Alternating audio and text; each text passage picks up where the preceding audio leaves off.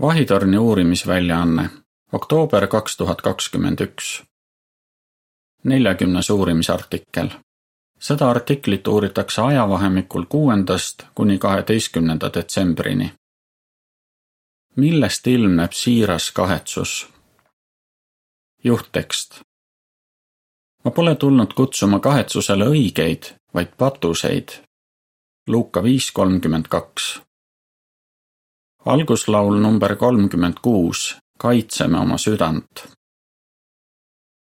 ülevaade. siiras kahetsus hõlmab midagi rohkemat kui vaid kahjutunnet tehtu pärast. see artikkel aitab Ahabi, Manasse ja kadunud poja loovaral mõista, mida tõeline kahetsus tähendab. samuti vaatame, mida peavad arvesse võtma koguduse vanemad kui nad tegelevad venna või õega, kes on sooritanud ränga patu. lõigud üks ja kaks, küsimus. mille poolest erinesid Ahab ja Manasse ning mis küsimusi me arutama hakkame? mõtleme muistsel ajal elanud kahe kuninga peale. üks neist valitses kümnest suguharust koosneva Iisraeli kuningriigi, teine kahest suguharust koosneva Juuda kuningriigi üle kuigi nad elasid erineval ajal, oli neil palju ühist. Nad mõlemad mässasid Jehova vastu ja avaldasid rahvale halba mõju. Nad kummardasid ebajumalaid ja nende hingel lasus veresüü. ometi erinesid nad teineteisest teatud mõttes väga palju. üks neist tegi kurja kuni oma elu lõpuni, ent teine kahetses oma kohutavaid tegusid ja talle andestati Need kuningad olid Ahab ja Manasse. Nende kahe mehe elukäik õpetab meile midagi väga tähtsat kahetsuse kohta. me võime õppida seda, mis on siiras kahetsus ja millest see ilmneb. seda on tähtis teada, kui soovime, et Jehova meile andestaks. vaatame siis kõigepealt, mida me nende kahe kuninga elust õppida võime. seejärel uurime, mida rääkis kahetsuse kohta Jeesus mida me õpime Ahabi elukäigust? lõik kolm, küsimus.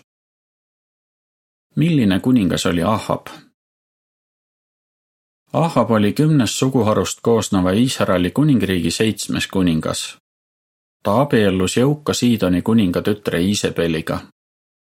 see abielu võis olla majanduslikult tulus kogu Iisraelile, samas mõjus see väga halvasti iisraellaste suhetele Jehovaga. Iisabel oli Paali kummardaja ja ta ärgitas ka Ahabit edendama seda põlastusväärset religiooni, millega kaasnes templiprostitutsioon ja isegi laste ohverdamine.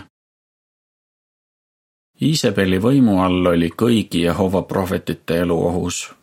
ta lasi paljud neist surmata Ahabi kohta öeldakse piiblis, et ta tegi Jehova silmis rohkem kurja kui kõik need, kes olid olnud enne teda.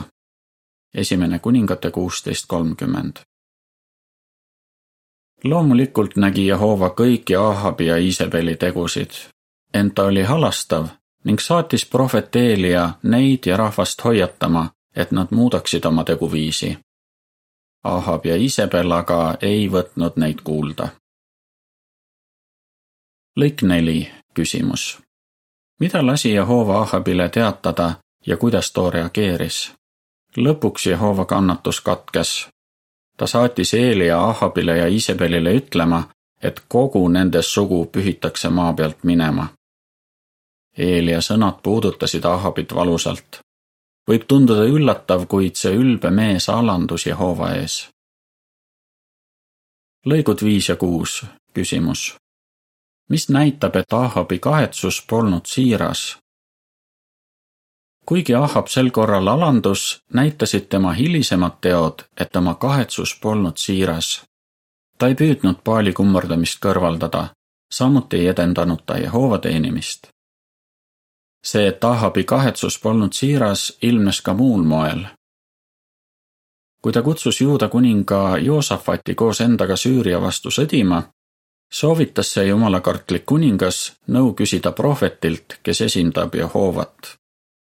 algul keeldus Ahab seda tegemast, öeldes, on veel üks mees, kelle kaudu saaks Jehovalt nõu küsida, aga ma vihkan teda, sest ta ei kuuluta mulle kunagi head, vaid üksnes halba. esimene kuningate kakskümmend kaks, seitse kuni üheksa. sellegipoolest pidasid nad prohvet Miikajaga nõu. Ahabil oli õigus, see prohvet kuulutas talle halbu uudiseid. selle asemel, et Jehovalt andestust paluda, lasi Ahab Miikaja vanglasse heita. ent ta ei saanud takistada Jehova ennustuse täitumist. Ahab sai järgmises lahingus surma. järgneb lõikudega viis ja kuus seotud pildikirjeldus. vihane Ahab käsib prohvet Miikaja vanglasse heita. pildi allkirjas öeldakse, Ahab lasi Jumala prohveti vangi heita, näidates sellega, et ta kahetsus pole siiras lõik seitse, küsimus. mida ütles Jehova Ahabi kohta pärast tema surma? pärast Ahabi surma andis Jehova teada, kuidas ta temasse suhtus.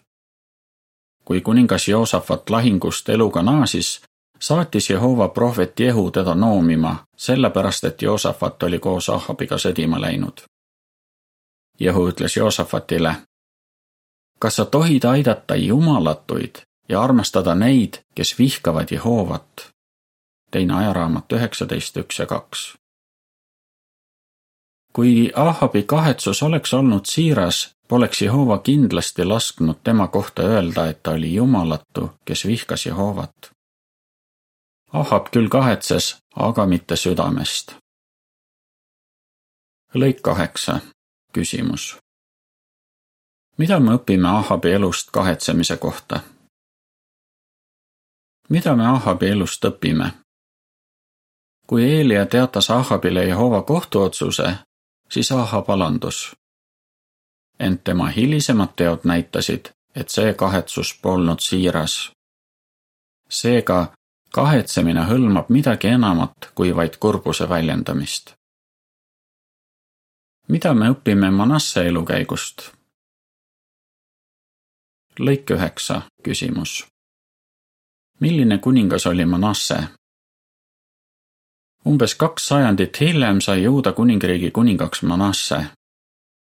tema teod olid ilmselt veel hullemad kui Ahabi omad.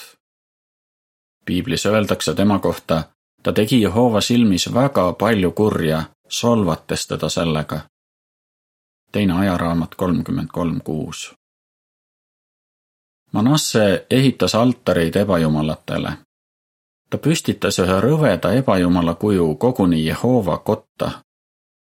ta tegeles maagia ennustamise ja nõidumisega. samuti valas ta väga palju süütut verd. ta mõrvas palju inimesi ja heitis koguni oma poegi tulle, et neid ebajumalatele ohverdada. Lõik kümme, küsimus. kuidas karistas Jehova Manasset ja kuidas too reageeris? nagu Ahab ignoreeris ka Manasse kangekaelselt hoiatusi, mida Jehova talle oma prohvetite kaudu andis. lõpuks Jehova lasi tulla nende, Manasse ja tema rahva kallale Assüüria kuninga väepealikel, kes võtsid Manasse kinni, panid talle konksud külge, sidusid ta vasskahelaisse ja viisid Babyloni võõral maal vangis olles hakkas Manasse ilmselt tõsiselt asjade üle järele mõtlema. piibel ütleb tema kohta, et ta oli väga alandlik oma esiisade jumala ees. ent ta tegi veel midagi.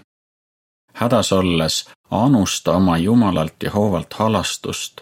ta muudkui palus Jumalat. Teine ajaraamat kolmkümmend kolm, kümme kuni kolmteist Manasse oli tõesti muutunud.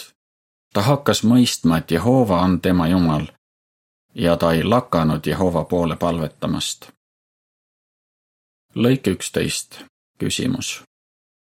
millest ilmnes, et Manasse kahetsus oli siiras? mõne aja pärast vastas Jehova Manasse palvetele. Neist ilmnes, et ta on tõesti muutunud. Jehova andestas talle ja andis talle kuningavõimu tagasi. Manasse kasutas seda võimalust, et näidata, kui sügavalt ta oma tegusid kahetseb. ta tegi seda, mida Ahab ei teinud kunagi, ta muutis oma eluviisi. Manasse võitles otsustavalt ebajumala kummardamise vastu ja käskis juuda rahval teenida Jehovat. Teine ajaraamat kolmkümmend kolm, viisteist, kuusteist ütleb. Manasse kõrvaldas Jehova kojast võõrad jumalad ja ebajumala kuju, samuti kõik altarid, mis ta oli rajanud Jehova koja mäele ja Jeruusalemma ning lasi visata need väljapoole linna. ta tegi korda Jehova altari ning tõi sellel rahu ja tänuohvreid. ta käskis juudal teenida Iisraeli jumalat Jehovat. Kahtlemata nõudis see Manasselt usku ja julgust, sest ta ise oli pikka aega andnud halba eeskuju oma perele, õukondlastele ja kogu rahvale. oma elu lõpupoole püüdis ta kõik varasema heaks teha ilmselt oli ta sellega eeskujuks oma pojapojale Joosiale, kellest hiljem sai Jumalale kuulekas kuningas. järgneb lõiguga üksteist seotud pildi kirjeldus. Manasse käsib hävitada kujud, mille ta templisse püstitas. pildi allkirjas öeldakse, Manasse kahetses oma tegusid siiralt ja võitles otsustavalt ebajumala kummardamise vastu. lõik kaksteist küsimus. mida me õpime Manasse elust kahetsemise kohta?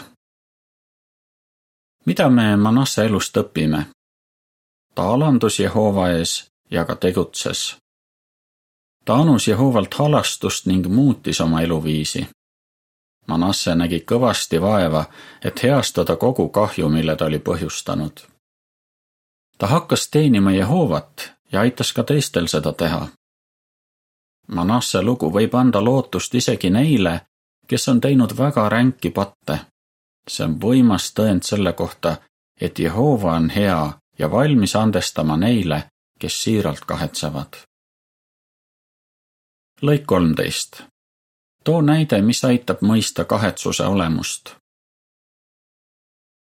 Manasse oli kurb, et ta patustas, kuid ta võttis ka midagi ette see õpetab meile kahetsuse kohta midagi tähtsat. mõelgem ühele näitele. oletame, et sa lähed pagaripoodi ja soovid osta kooki. koogi asemel aga annab müüja sulle ainult muna. oleksid sa rahul? Kindlasti mitte. kas oleks abiks see, kui müüja selgitab sulle, et muna on koogi valmistamisel oluline koostisosa? muidugi mitte see näide aitab mõista, et Jehova ootab patustanult lisaks kurbusele veel midagi. kui patustanu on tehtu pärast kurb, siis on see hea. kurbus on kahetsuse oluline koostisosa, kuid sellest ei piisa. mida veel on vaja? Ühest Jeesuse mõistujutust on selle kohta nii mõndagi õppida. siira kahetsuse tunnus. lõik neliteist, küsimus millised olid esimesed märgid, et kadunud poeg kahetseb oma tegusid? Jeesus rääkis südamliku loo kadunud pojast, mis on kirjas tekstis Luuka viisteist, üksteist kuni kolmkümmend kaks.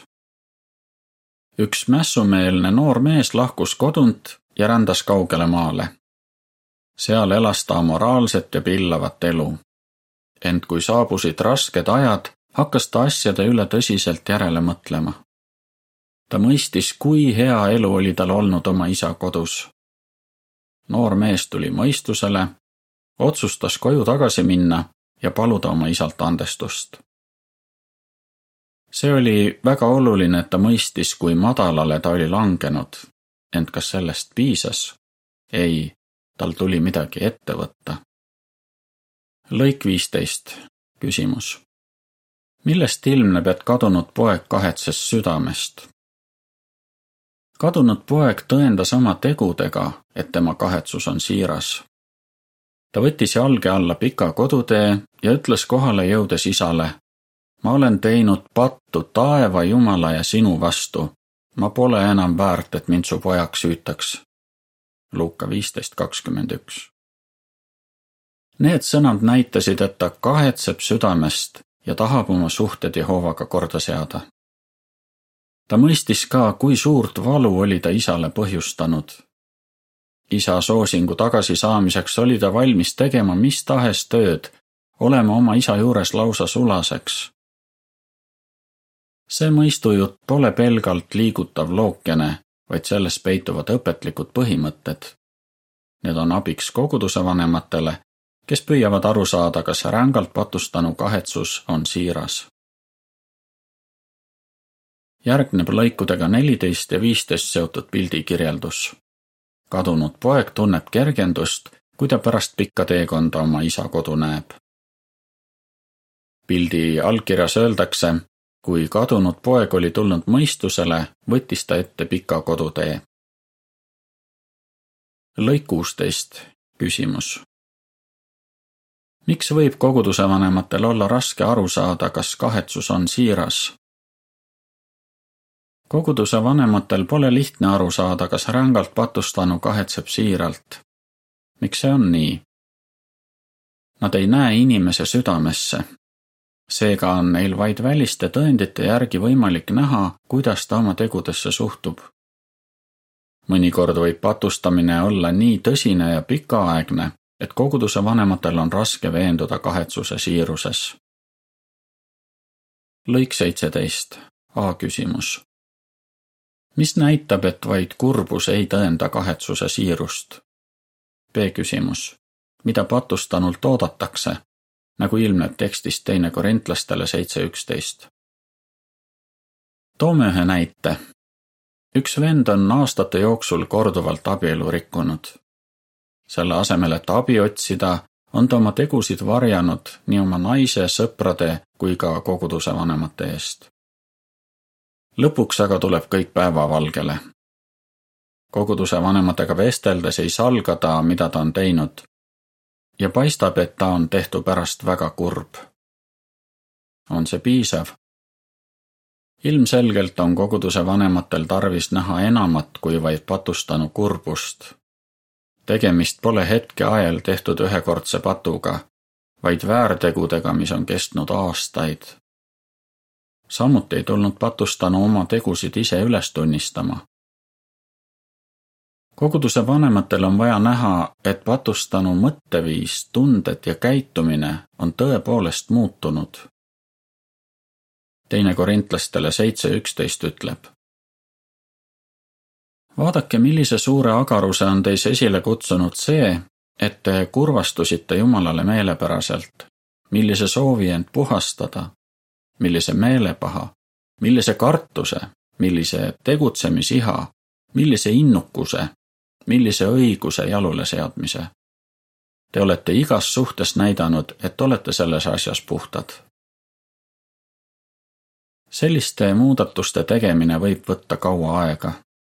vägagi tõenäoliselt eemaldatakse see patustanu kogudusest, kuni ta tõendab oma kahetsuse siirust lõik kaheksateist, küsimus. Kuidas saab patustanu näidata, et tema kahetsus on siiras ja mis on selle tulemus?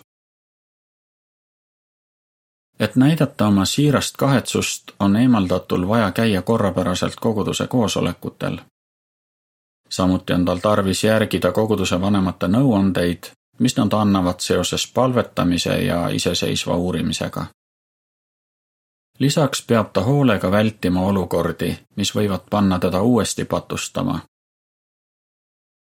Kui ta näeb kõvasti vaeva, et oma suhted Jehovaga korda seada, võib ta olla kindel, et Jehova andestab talle ja et ta võetakse kogudusse tagasi.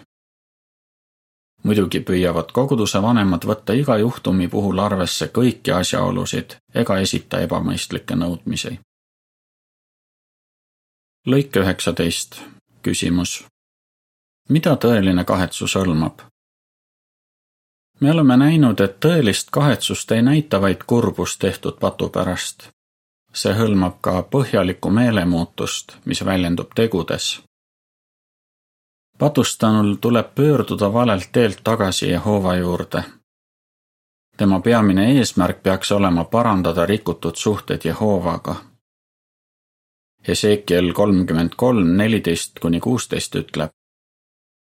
kui ma ütlen Jumalatule, sa pead surema, tema aga pöördub ära oma pattudest ning teeb, mis õige ja õiglane, kui see jumalatu tagastab pandi, hüvitab röövitu ning järgib elutähtsaid seadusi ega tee kurja, siis ta jääb elama, ta ei sure.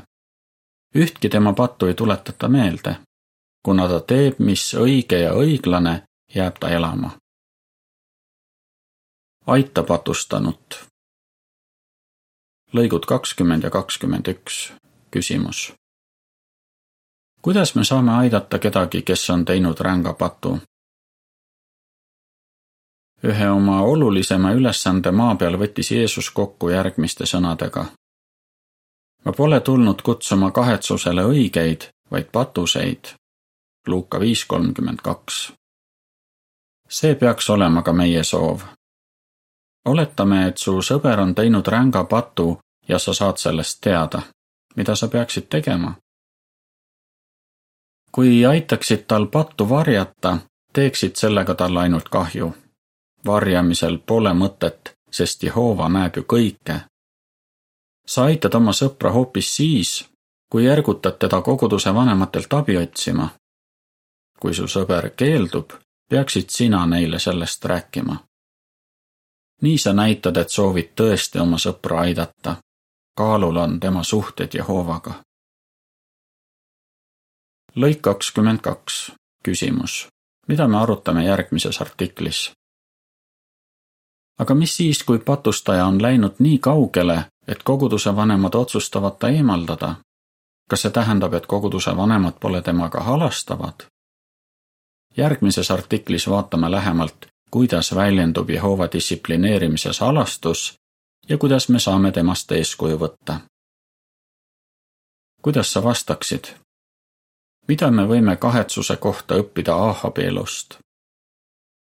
millest ilmneb, et Manasse kahetsus oli siiras, mida me võime kahetsuse kohta õppida kadunud poja loost. lõpulaul number sada kolm, karjased, annid inimeste kujul. Artikli lõpp